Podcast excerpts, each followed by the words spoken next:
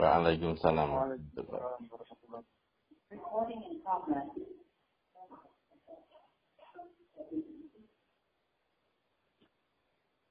بسم الله الرحمن الرحيم.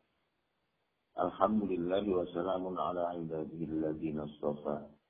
سبحان ربي العلي على الوهاب.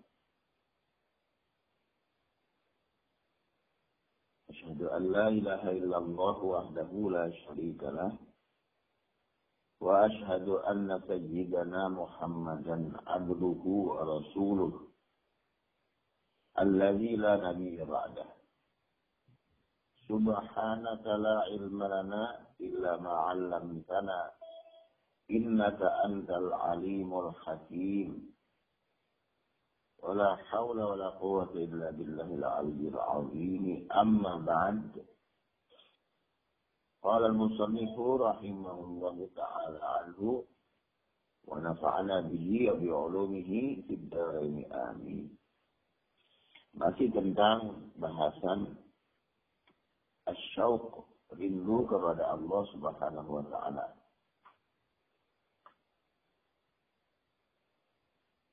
Kata Imam Al-Ghazali, Allah subhanahu wa ta'ala berfirman kepada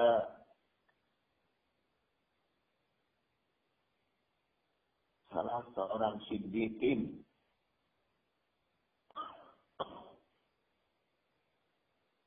Menurut riwayat menurut riwayat sebagian ulama salaf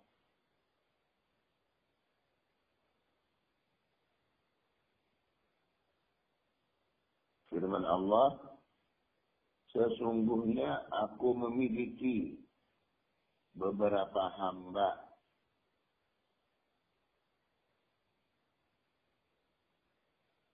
Inna ibadun min ibadi. Dari antara hamba-hambaku yang mencintaiku. Dan aku pun mencintai mereka.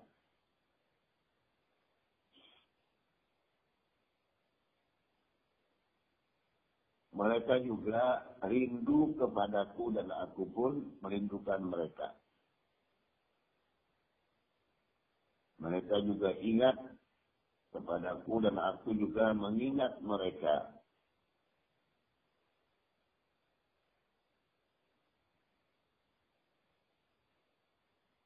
Serta mereka melihatku dan aku melihat mereka jika engkau mengikuti jalan mereka, aku pasti mencintaimu.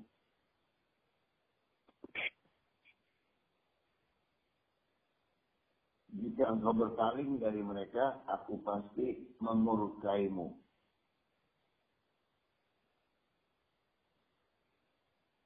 Maka kemudian salah seorang siddiqin itu atau wali itu pada zaman dahulu bertanya kepada Allah, Wahai Tuhanku, apa saja tanda-tanda mereka itu?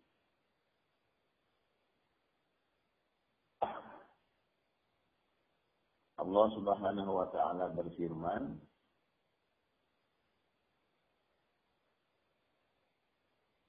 mereka menjaga naungan di waktu siang sebagaimana penggembala yang baik menjaga kambingnya. Mereka merindukan terbenamnya matahari sebagaimana burung merindukan sangkarnya ketika matahari terbenam.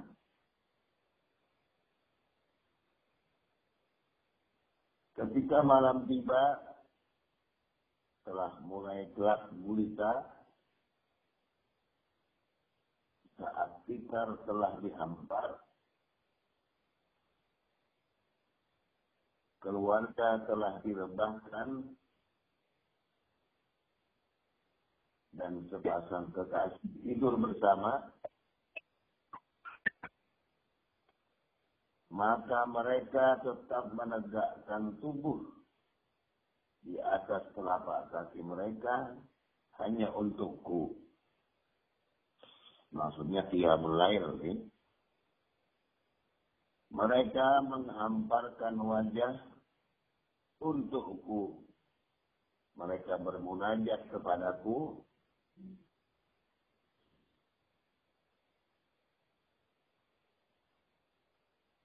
dengan firmanku. Dan mereka merayuku lewat memuji nikmat-nikmatku. Mereka berada di antara jeritan dan tangisan. Keluhan dan penaduan. Antara berdiri dan duduk. Dan di antara ruku dan sujud maka dengan penglihatanku aku melihat beban derita yang harus mereka pikul.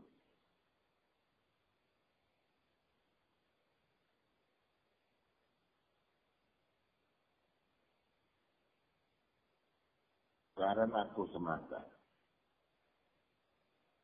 Aku juga mendengar apa yang mereka adukan karena mereka mencintaiku, maka yang pertama aku berikan kepada mereka adalah tiga hal. Yaitu aku menaruh sebagian cahayaku di dalam hati mereka. Sehingga mereka menceritakan aku sebagaimana aku menceritakan kepada mereka.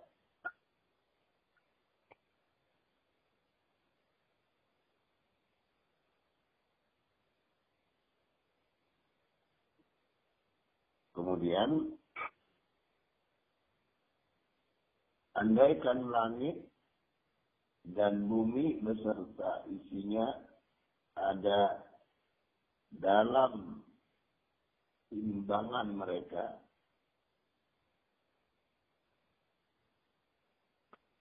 aku pasti menganggapnya sedikit untuk mereka.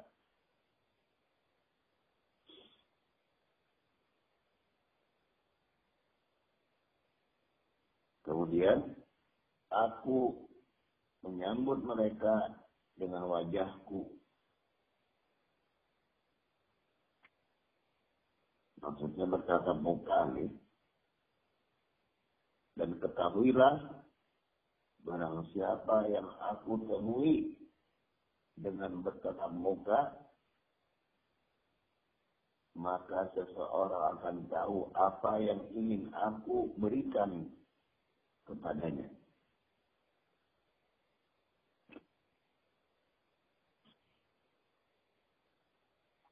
Itulah tentang keadaan seseorang yang rindu kepada Allah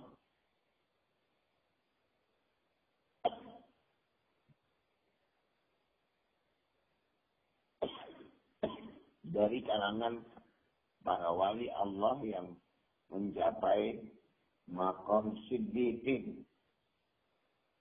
Dan ini diilhamkan atau diwahyukan oleh Allah kepada salah seorang wali kekasihnya yang mencapai makom siddiqin itu. Dan ini semua berada di dalam kitab Taurat. Yang disampaikan Al-Imam Ghazali, Al-Imam Al-Ghazali di dalam kitab Al-Mursyidul Amin ini. Tentu saja semua itu terangkum dalam Al-Quran Al-Karim. Kitab suci kita. Kitab suci yang kita yakini. Dari Rasulullah Sallallahu Alaihi Wasallam. Tetapi tidak sedetil ini. Ya, itulah bedanya Taurat dan kitab Al-Quran. Kalau kitab Taurat itu detil. Bahkan untuk hal-hal yang seperti ini disampaikan atau diberitahukan oleh Allah Subhanahu wa taala dan tidak ada yang bisa menafsirkannya kecuali Nabi Musa alaihissalam pada waktu itu atau para nabi lain yang tidak diserahi kitab suci.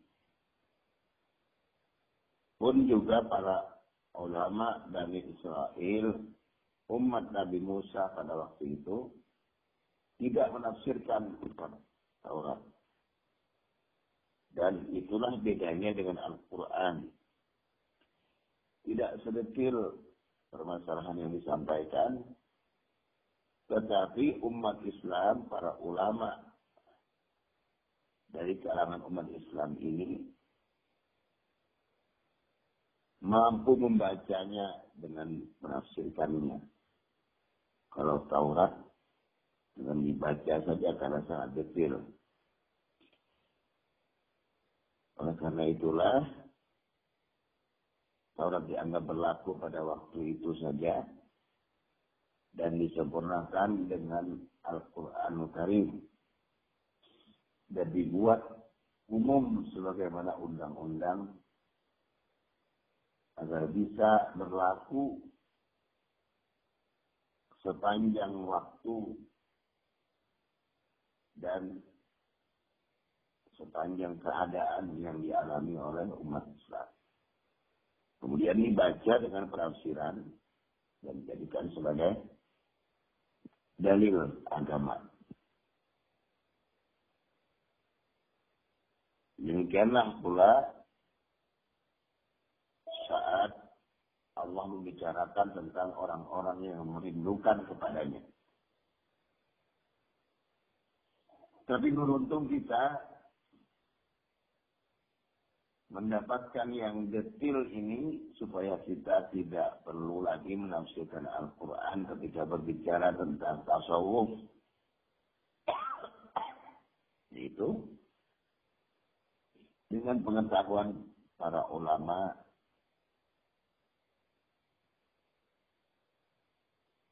seperti Imam Ghazali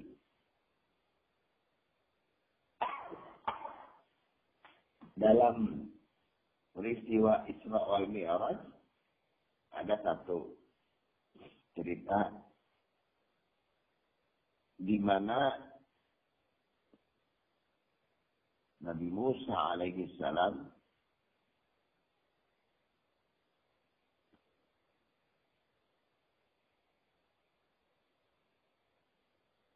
berdialog dengan Imam Al-Ghazali Allah alam cerita ini seperti apa kesahihannya.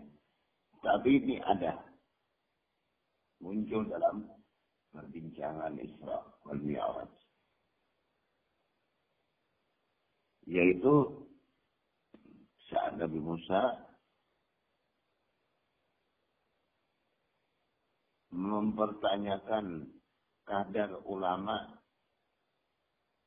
di zaman Nabi Muhammad Sallallahu Alaihi Wasallam yang lebih tinggi dibandingkan dengan ulama Bani Israel pada zaman Nabi Musa alaihissalam. Itu ada istilah yang mengatakan bahwa ulama-ulama umat Nabi Muhammad itu setingkat dengan nabi-nabi di zaman Bani Israel. Selain Nabi Musa. Nih. Singkat cerita, terjadilah dialog antara Nabi Musa alaihissalam dengan ulama di zaman Nabi Muhammad Shallallahu Alaihi Wasallam. Kebetulan yaitu dipilih Imam Ghazali.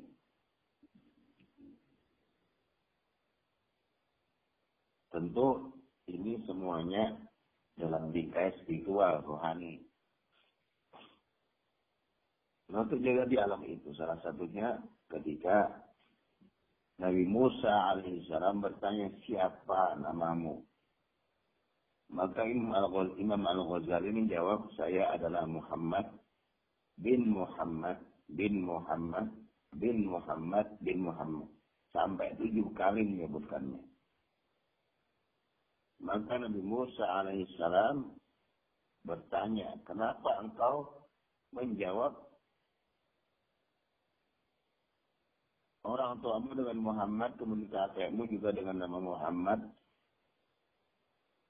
Begitu seterusnya sampai tujuh tingkat ke atas. Maka salah satu penjelasnya Imam Ghazali adalah ini menunjukkan betapa terikatnya saya dengan Nabi Muhammad Shallallahu Alaihi Wasallam. Dan seandainya engkau menanyakan siapa lagi yang di atas tujuh tingkat yang saya sebutkan itu, maka akan saya sebutkan terus menerus satu nama yaitu Muhammad. Lalu terjadi dialog yang panjang dan berakhir dengan pengakuan Nabi Musa alaihissalam di hadapan Nabi Muhammad bahwa memang benar wahai Nabi Muhammad umatmu itu setingkat dengan nabi-nabi di zamanku. Dan kita tahu saat ini di dalam kitab Al-Musyil Amin dan tentu juga di dalam kitab Ihya Ulumuddin Imam Al-Ghazali membicarakan tentang Taurat. Berarti beliau tahu tentang Taurat. Bisa meriwayatkan isi Taurat saat ini kita tidak tahu tentang Taurat kecuali ketika membaca kitab perjanjian lama yang dianggap adalah kitab nabi-nabi sebelum Nabi Isa alaihissalam. Tetapi masih kita dalam perdebatan tentang keasliannya. Jadi walhasil kita tidak pernah bisa tahu dengan sebenarnya tentang kitab-kitab Nabi terdahulu. Sampai kadar ini saja, tahu kita kadarnya atau tingkatan Imam Al-Ghazali. Ketika berbicara tentang rindu, tentang cinta dalam disiplin ilmu tasawuf, beliau bisa mengutip dalil bahkan sampai Taurat. Tidak hanya kata-kata para ulama yang lainnya, apalagi Al-Quran kita sudah mengetahui, kita membaca banyak bertebaran ayat-ayat Al-Quran yang beliau pahami, kemudian beliau jelaskan kepada kita, bahwa itu adalah dalil-dalil dari ilmu akhlak tasawuf. Satu hal dari kitab ini yang bisa kita ambil pertama dulu. Yang kedua tentu tentang rindu yang mendapatkan fadilah bahwa ternyata orang yang dianggap Allah istimewa mereka adalah amalannya itu adalah saat seluruh keluarganya sudah istirahat, saat waktu beristirahat itu juga sudah tersedia untuk dia dan untuk keluarganya. Tetapi wali kekasih Allah itu tidak meletakkan tubuhnya beristirahat juga. Justru dengan semangat kecintaannya, kerinduannya kepada Allah,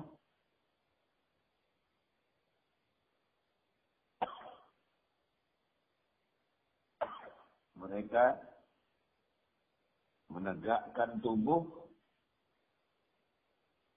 untuk Allah berdiri qiyamul lail bermunajat berdoa berzikir dan memuji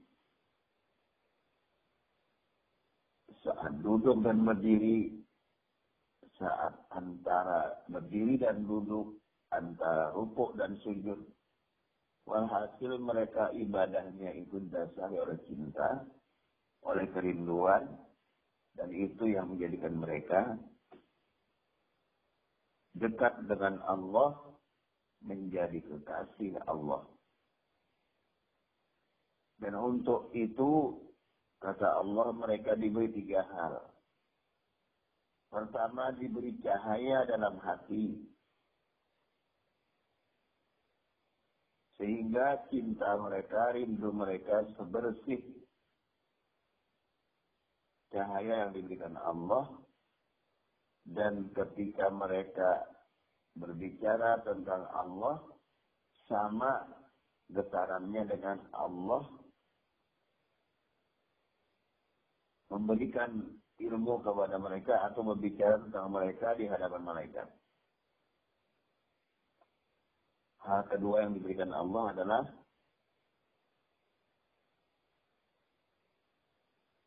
mereka berhadapan langsung dengan Allah subhanahu wa ta'ala.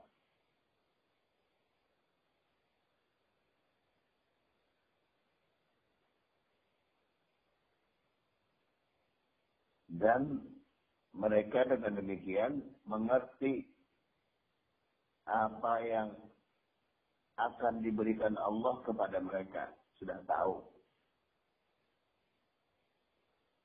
Seakan-akan mereka diberitahu tentang takdir mereka.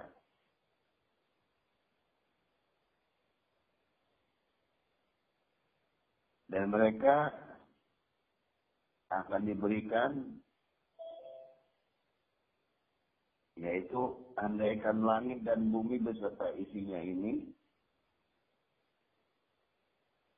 ada terbersit dalam keinginan mereka. Maka kata Allah, aku pasti menganggapnya sedikit untuk mereka. Dunia seisinya itu, kalaupun mereka inginkan, kalaupun diinginkan oleh para wali itu, Allah mengatakan pasti kuberikan dari itu kuanggap belum apa-apa. Sangat sedikit dibanding pemberian pemberianku yang akan kuberikan di akhirat. Itu dahsyatnya orang beribadah ketika sampai pada mahabbah dan pada syauk rindu kepada Allah. Dan ini kita sudah dewasa saling memahami maksudnya ini adalah urusan batin yang kemudian dapat digambarkan oleh sikap tentang cinta kepada Allah dan cinta kepada Allah itu tidak akan tidak akan sempurna kecuali mencintai makhluk Allah juga cinta kepada Islam. Karena cinta kepada Allah itu artinya cinta kepada semua ciptaan Allah. Termasuk termasuk yang diciptakan Allah adalah takdir. Maka cinta kepada Allah juga cinta kepada takdir Allah. Maka tidak boleh benci kepada ketentuan Allah. Kita tahu takdir atau kodoknya Allah itu, ya kodok itu sebelum terjadi, takdir sudah terjadi, hasil dari kodoknya Allah. Ada kodok yang buruk, ya, atau kodar yang buruk juga bisa disebut begitu. Ada yang baik. Itu masuk dalam rukun iman. Ya, rukun iman terakhir adalah al-imanu bil qada'i wal qadri atau al-iman bil qadar khairihi wa syarrihi. Beriman kepada takdir takdir baik maupun takdir buruk. Itu sama tidak keimanan. Berarti itu juga harus kita cintai.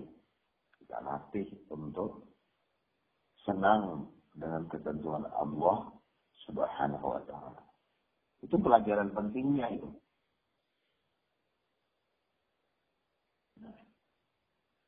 lain memang tentu ibadah ibadah sunat itu menjadi penting dalam akhlak tasawuf ini. Dan ini tentu tidak bergeser dari yang wajib. Yang wajib mesti sudah itu jadi jadi makanan kita tanda kutip. Ibadah yang wajib itu tertib sudah. Kemudian ditambah dalam ibadah sunat. Apa pun ibadah sunat. Baik di atas sajadah maupun di dalam pergaulan dengan manusia sama manusia. Juga kita lakukan semuanya karena Allah Subhanahu wa taala.